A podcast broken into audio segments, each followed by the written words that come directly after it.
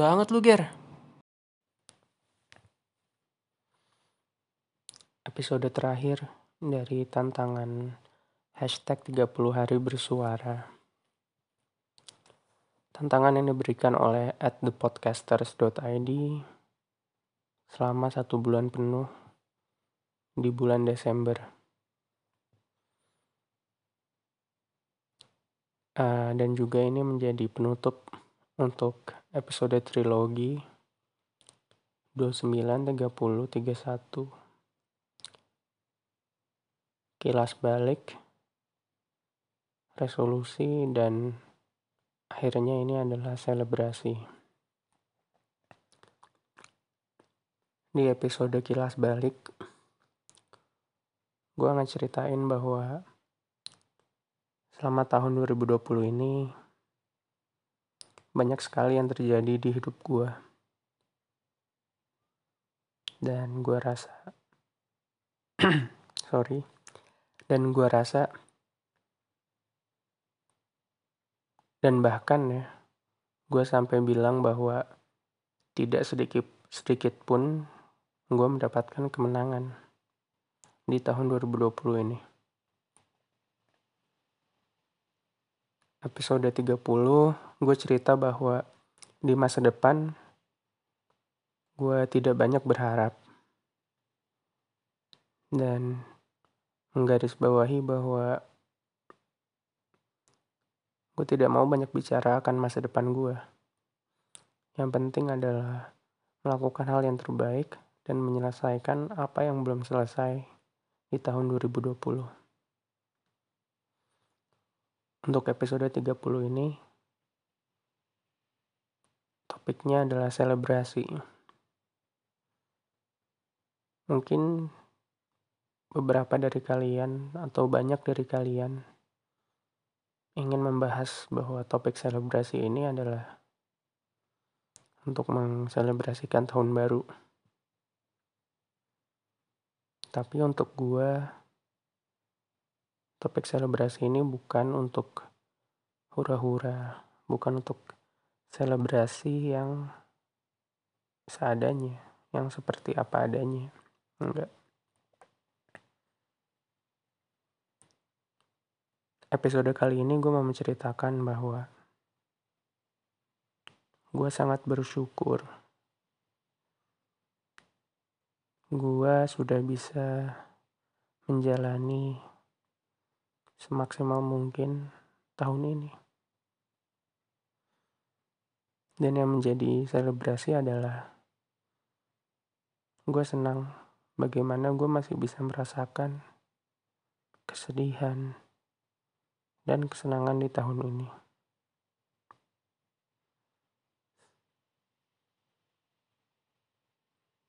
Karena menurut gue, orang yang masih bisa merasa sedih itu, ya masih harus bersyukur karena banyak di luar sana mereka yang tidak bisa merasakan apa pun. Kalau bahasa Inggrisnya adalah numb feeling. Jadi perasaan mereka itu sudah nambah. Dan gue sangat bersyukur gue mengselebrasikan bahwa gue masih bisa merasakan walaupun itu sedih. Sebenarnya gue agak sedikit berbohong sama kalian. Gue bilang kan gue tidak mendapatkan kemenangan di tahun 2020 ini. Ya ada benarnya dan ada ada kebohongan juga di dalam statement itu. Di dalam pernyataan itu. Karena sesungguhnya tahun 2020 ini ditutup ditutup oleh sebuah kejayaan bukan untuk gue tapi untuk nyokap gue untuk keluarga gue yang di dalamnya itu gue menjadi bagian integral dalam hal itu penutupan tahun 2020 ini adalah pernikahan nyokap gue. Lucu ya. Sebenarnya kalau mau flashback sedikit lagi dari awal tahun sorry maksudnya dari awal gue kuliah di Jerman gue udah wanti-wanti sama nyokap mam. Tolong dong kalau bisa cari suami lagi. Dan pada saat itu gue nggak tahu kenapa gue ngomong kayak gitu.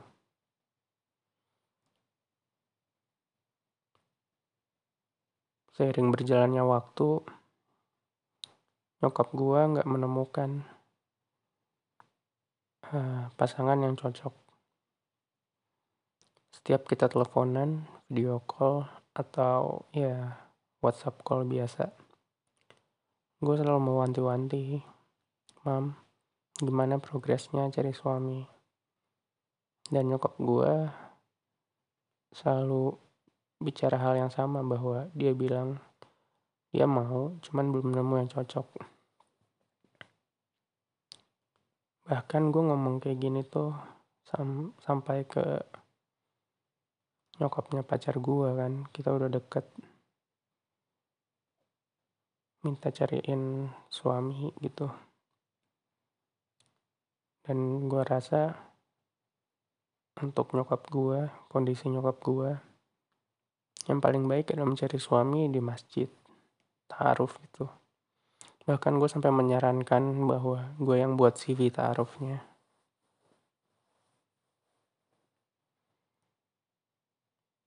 Dan puncaknya adalah tahun lalu saat om gue meninggal. Gue sudah ceritakan bahwa saat itu gue rasa tidak ada man figure di Jakarta. Dan bahkan kalau gue lebih teliti lagi, kondisi kesehatan nyokap gue semakin menurun saat om gue meninggal. Karena ya mungkin di tahun 2020 ini beban nyokap gue bertambah. Karena selama ini yang selalu ya kita ya om dan tante gue selalu menjaga nenek gue gitu. Cuman yang bisa 24 jam ada adalah om gue. Dan ketika om gue sudah tidak ada, yang selanjutnya harus menjaga nenek gue adalah nyokap gue. Karena kita tinggal sangat dekat rumahnya.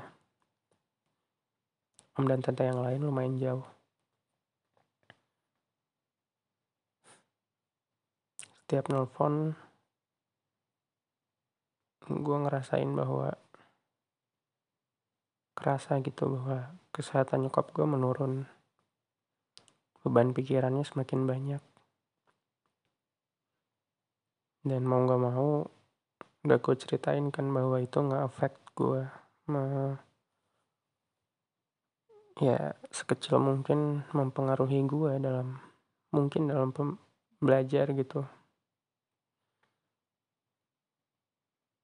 Ya walaupun seharusnya itu tidak mempengaruhi gue cuman ya gimana? Ditambah lagi gue gagal dalam pelajaran yang seharusnya gue lulus. Tambah lagi skripsi kan? Sampai bulan Oktober. Di mana gue rasa gue sedang terpuruk-puruknya karena merasakan berat sekali di hati gue.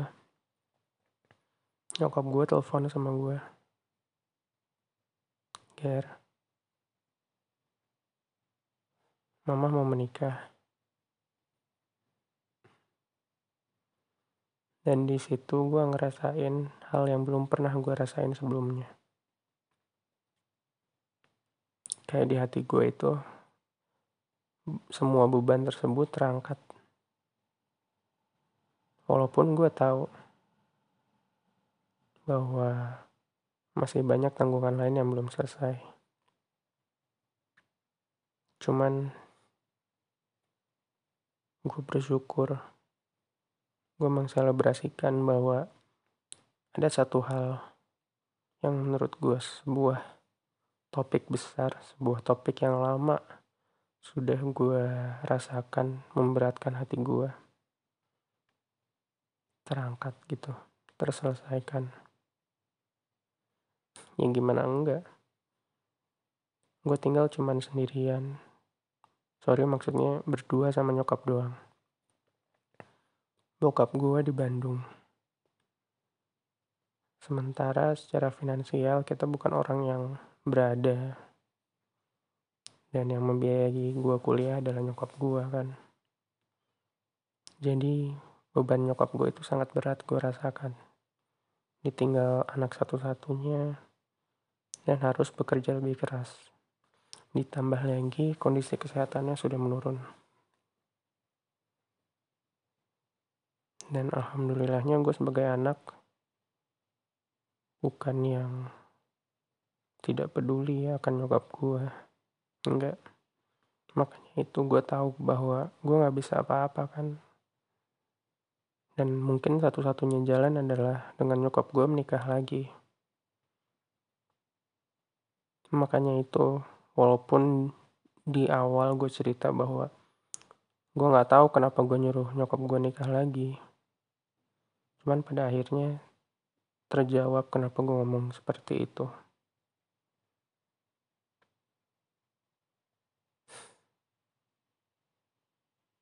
Ya mungkin itu yang gue selebrasikan. Pernikahan nyokap gue. Dan gue lebih meyakini bahwa jika lo meminta sama sama Tuhan dan dalam kasus ini agama gue Islam, Tuhan gue Allah Subhanahu wa taala. Sudah janji Tuhan di dalam Al-Qur'an bahwa itu akan terjawab. Itu akan dikabulkan. Cuman pada saat yang tepat. Dan menurut gue di tahun ini itu tepat sekali. Sangat tepat momentumnya. Tidak kurang, tidak lebih.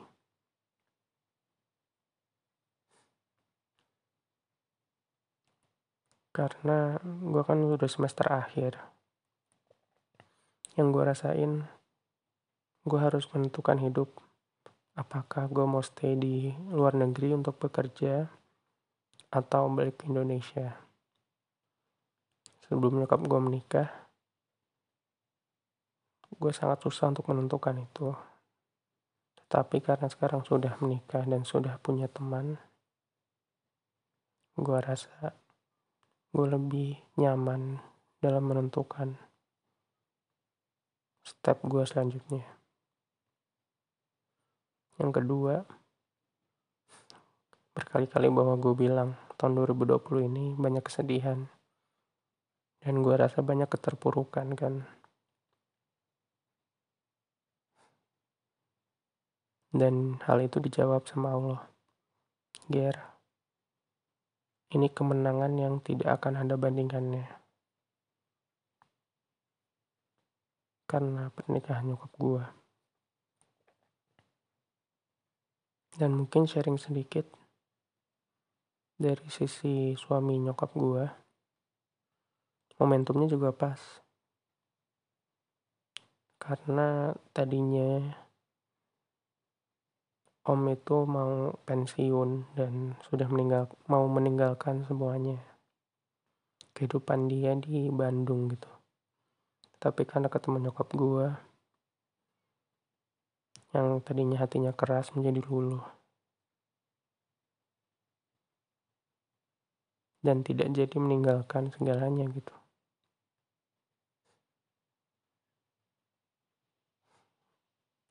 Lucu ya. Terkadang kita tahu maksud dari akan diberikan pada waktunya, tapi kita tidak pernah menyadari itu sampai kita merasakannya.